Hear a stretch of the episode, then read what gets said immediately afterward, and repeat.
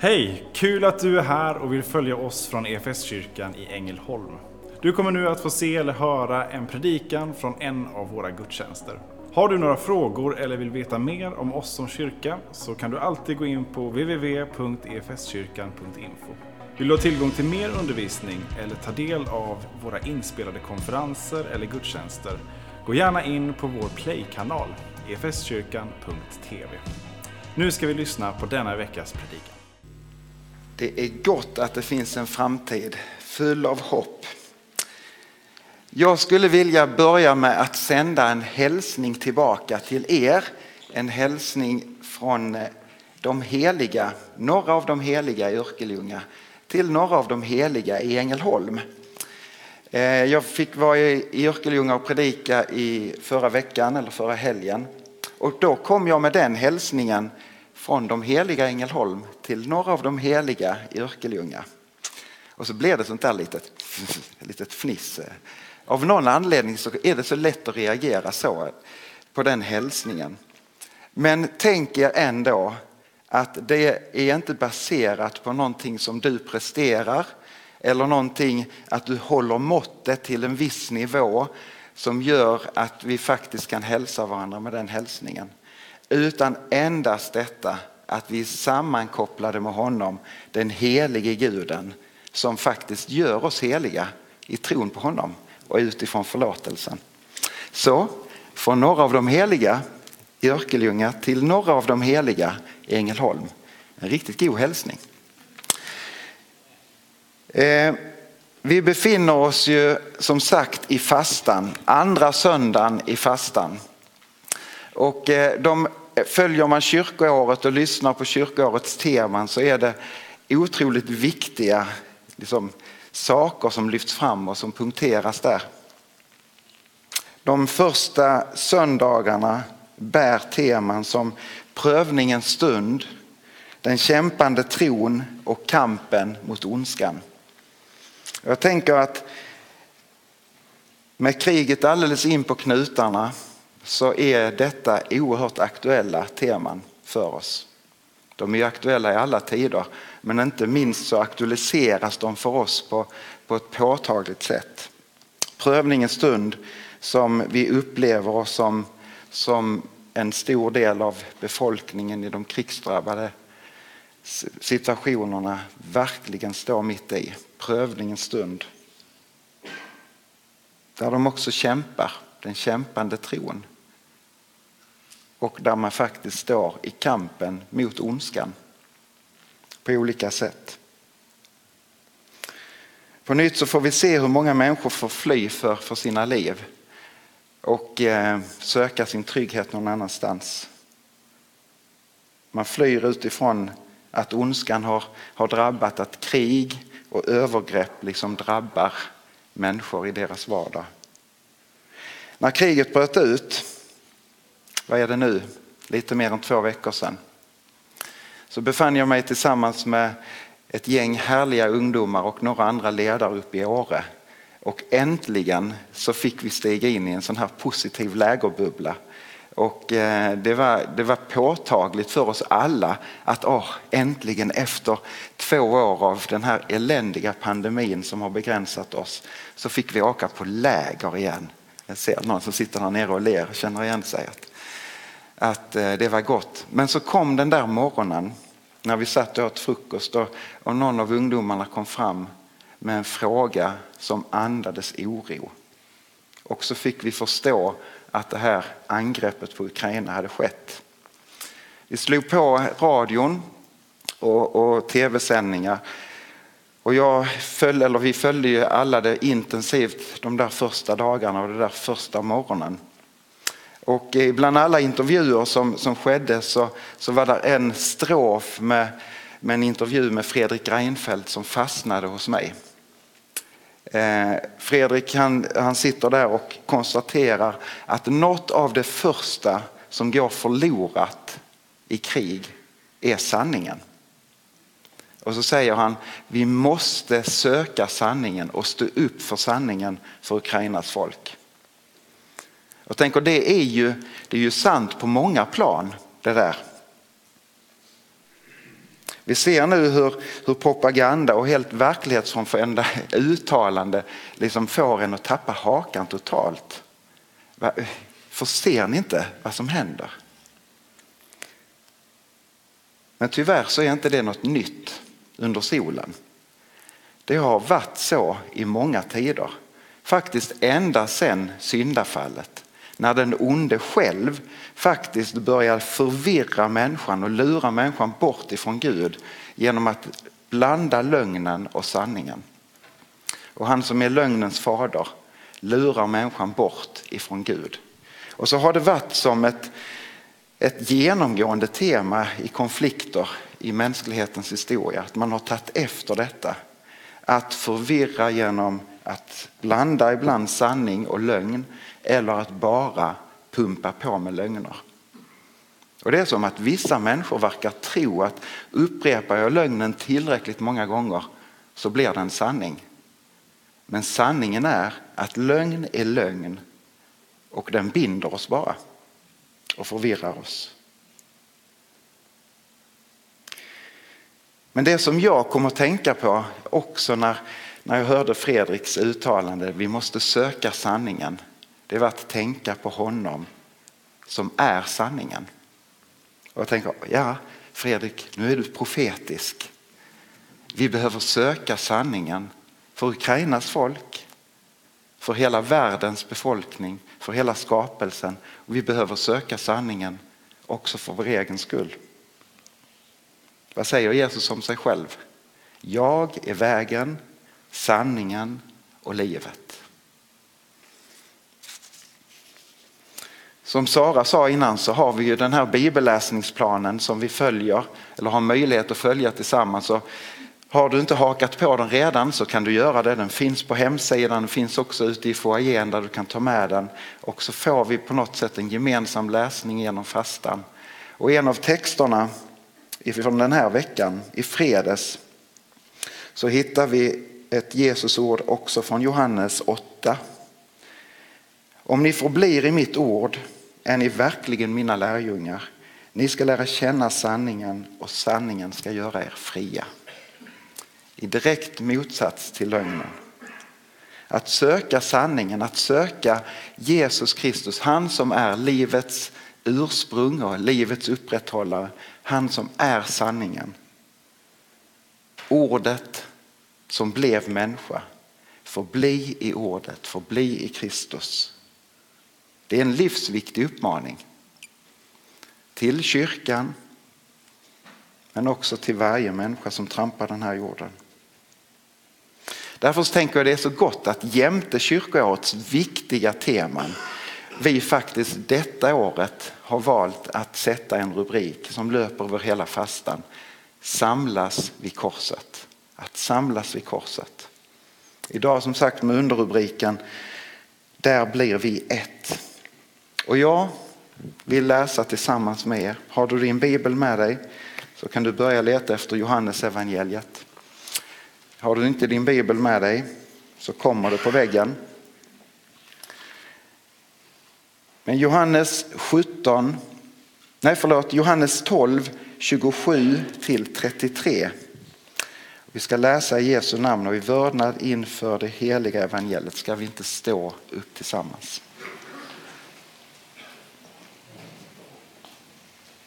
Där säger Jesus. Nu är min själ fylld av oro. Ska jag be Fader rädda mig undan denna stund? Nej, det är just för denna stund jag har kommit. Fader, Fader förhärliga ditt namn.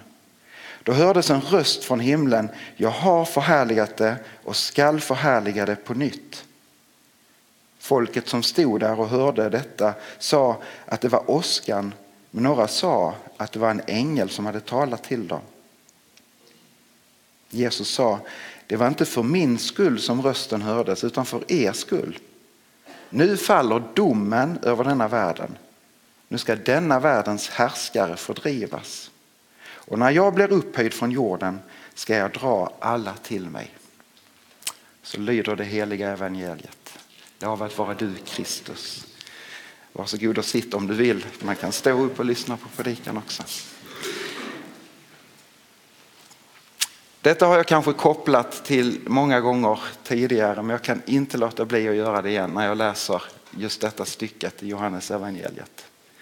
Jag har den stora, stora förmånen att ibland få vara med och guida ute på Bibelns värld.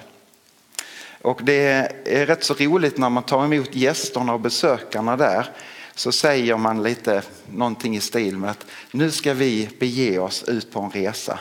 Och vi ska resa i både tid och rum och vi ska bege oss till det heliga landet. Vi ska bege oss och gå upp till Jerusalem. Och så ställer man lite den här retoriska frågan, hur många av er har varit där tidigare? Och så beroende på vilken grupp det är så kan det komma några händer som sträcker upp sig. Ja, Man kan ju ställa den frågan här. Hur många har varit i det heliga landet och varit i Jerusalem? Så är det några som inte räcker upp handen. Och sen så i alla fall så börjar på något sätt en resa genom Bibelns berättelse och i huvudsak genom evangelierna där vi får följa Jesus upp mot korset, fram mot korset, fram mot påsken. Och så någonstans när man kommer så långt som man går upp till korsen där, liksom bilden av Golgata om man går igenom vad som sker på korset. Och det kan man ju måla på lite olika sätt.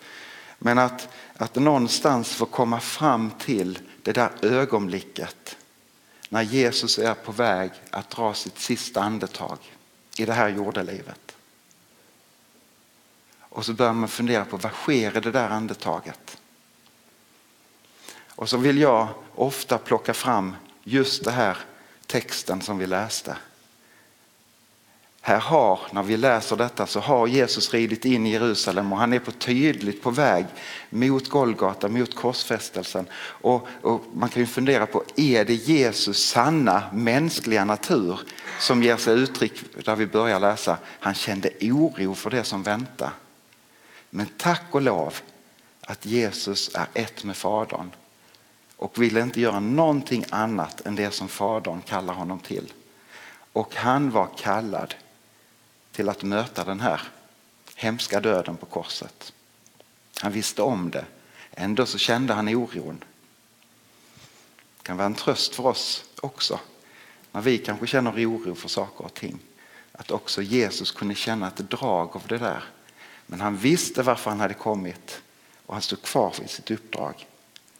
Och så, så kan man plocka fram just detta bibelordet när Jesus han säger när jag blir upphöjd då ska jag dra alla till mig. Man kan fundera på vad det är det handlar om men det, det undervisar Bibeln själv om. För med det så säger han på vilket sätt han kommer till att dö. Alltså bli upphöjd på pålen, upphängd på korset. Då ska jag dra alla till mig. Och så tänker jag i min oerhört begränsade förmåga att tänka ändå att det är någonting som sker i Jesus sista andetag. Att han drar alla till sig. Alla genom alla tider. Alla våra brister, all vår synd och allt vårt elände. Men inte bara det, utan hela jag och hela du. Också med dina framsidor. Drar Jesus till sig. Och så ger han upp andan. Och någonstans så tänker jag att den onde tappar taget helt. Ja, vad blir alla av som jag skulle anklaga? De är i Kristus, skyddade i hans död. Och så säger man, vet ni vad? Alla ni som inte räckt upp handen, ni har varit i Jerusalem. Inte på en turistresa eller en pilgrimsresa eller något annat som kan vara härligt i sig. Men vid det absolut viktigaste tillfället i hela historien befinner du dig där och då i Jesus Kristus. Jag vill leva i den där tron att Jesus faktiskt drar alla till sig. Att jag var där och du var där.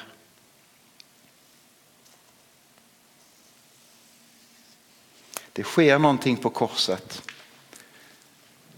som får betydelse för varje människa.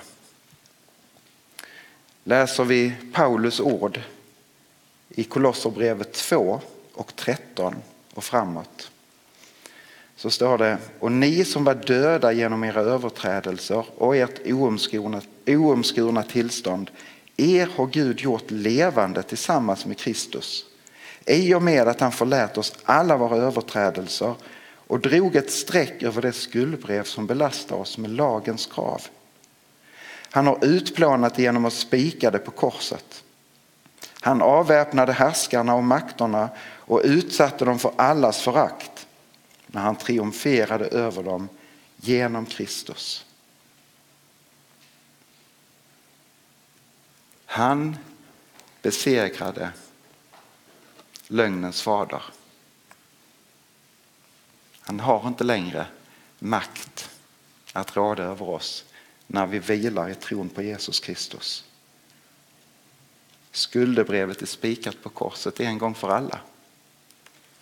Så när vi ber för syndabekännelse gemensamt eller själv så knyter vi an till någonting som redan har skett. Vi får ta emot det som redan är ordnat för din och min skull. När Jesus lite längre fram ber för lärjungarna och också ber för oss i en fantastisk förbön. Också där kan vi landa i Johannes evangeliet och nu är vi i Johannes 17. Så ber Jesus med de här orden. Men inte bara för dem ber jag, alltså för lärjungarna och apostlarna, utan också för alla som genom deras ord tror på mig. Det är vi. Vi tror ju genom apostlarnas ord. Jesus ber för oss. Och vad ber han? Jo, jag ber att de alla ska bli ett och att de ska vara i oss. Då ska världen tro på att du har sänt mig. Den härlighet som du har gett mig har jag gett dem för att de ska bli ett och för att liksom vi är ett, jag är dem och du är mig, de ska fullkomnas och bli ett. Då ska världen förstå att du har sänt mig och älskat dem så som du har älskat mig. Och vi blir i det här indragna i gemenskap. Gemenskapen som Gud har i sig själv. Fadern, Sonen och Anden. De är ett. Så är vi också indragna att bli ett med honom. Men vi blir också ett med varandra. Vad är det vi uttrycker i liturgin i, i nattvarden? Så är vi alla ett enda, en enda kropp, till alla får vi del av ett och samma bröd.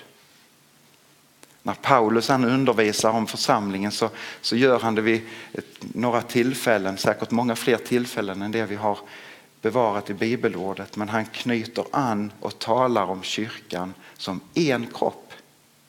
Många olika lemmar med olika funktioner, och med olikheter, men en kropp med ett huvud som är Kristus. Vi hänger ihop. Vare sig vi vill eller inte höll jag på sig. Men där är en ofrånkomlig enhet syskon emellan i tron på Jesus Kristus. Då ska världen förstå att du har sänt mig. Vad vi äger i tron på Herren är oerhört stort. Och det kan ju faktiskt föda tacksamhet, det kan föda glädje när vi liksom på nytt liksom fascineras över vad det är vi faktiskt äger i tron på Jesus. Och så, så hamnar vi lätt att vi kanske inte tar det för givet men, men vi kan ju inte leva liksom så här superfascinerade alltid. kanske. Men så när det griper tag på nytt, wow! Vad är det jag äger i tron på Jesus Kristus utifrån förlåtelsen? Då är det någonting som föds av lovsång och tillbedjan. Men vet ni vad, vi är så, tror jag, tyvärr präglade av ett individualistiskt, det är väldigt svårt att säga, det är skönt för det är ett eländigt kastord, ord, eh, individualistiskt samhälle och tänk. Klara dig själv, sök i dig själv, stå upp för dig själv och din sanning och så hit och dit. En stor bov skulle jag tro. Vi är präglade av det och så är det så lätt att vi också plockar in det i vår relation med Herren och vårt gemensamma liv inför honom. Och så tänker vi, det är jag som lovsjunger. Det är jag som ber. Det är jag som ger uttryck. Medan det kanske faktiskt är mer ett vi. Som vi kanske skulle återupptäcka igen. Och detta är inte emot att, att säga att relationen med Jesus den är väldigt, väldigt personlig. Vi kan säga Jesus har dött och uppstått för din skull. Han är angelägen om att lyssna på det som ligger på ditt hjärta. Din sorg, dina glädjeämnen, dina bekymmer eller vad det nu än är som du kommer inför Herren. Han är angelägen om att lyssna på dig.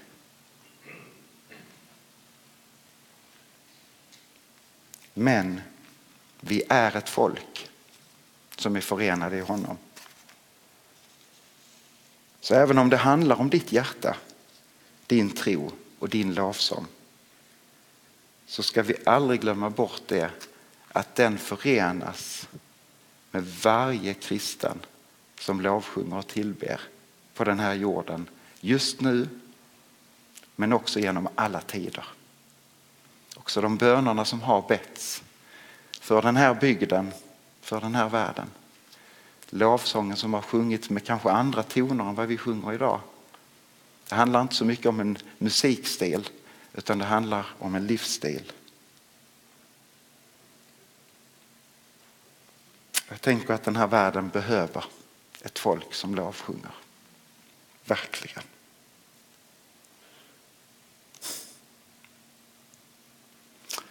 Den här världen behöver en församling som ber.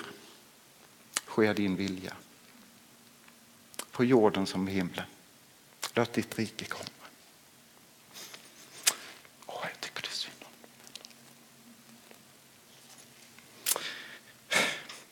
Jag slutar nästan här. Men vet ni vad? Du är inbjuden att, att på nytt få ställa ditt liv och ditt hjärta inför honom och be Jesus, jag vill vara med i lovsången.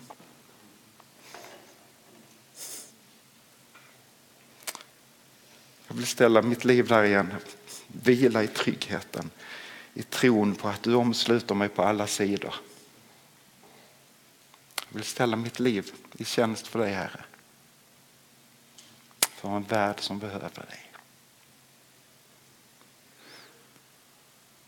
Ska vi be tillsammans.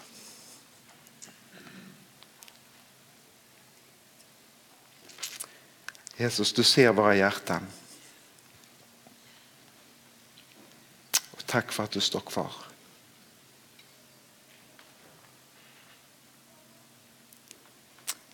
Det som vi grumlar ner och som vi som många gånger kanske förstör, det gör du rent.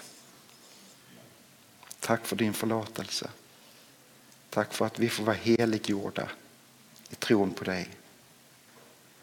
Och vi ber dig Herre, låt aldrig lovsången tystna utan låt den få växa stark. Jesus Herre, dig vill vi tjäna så länge vi lever.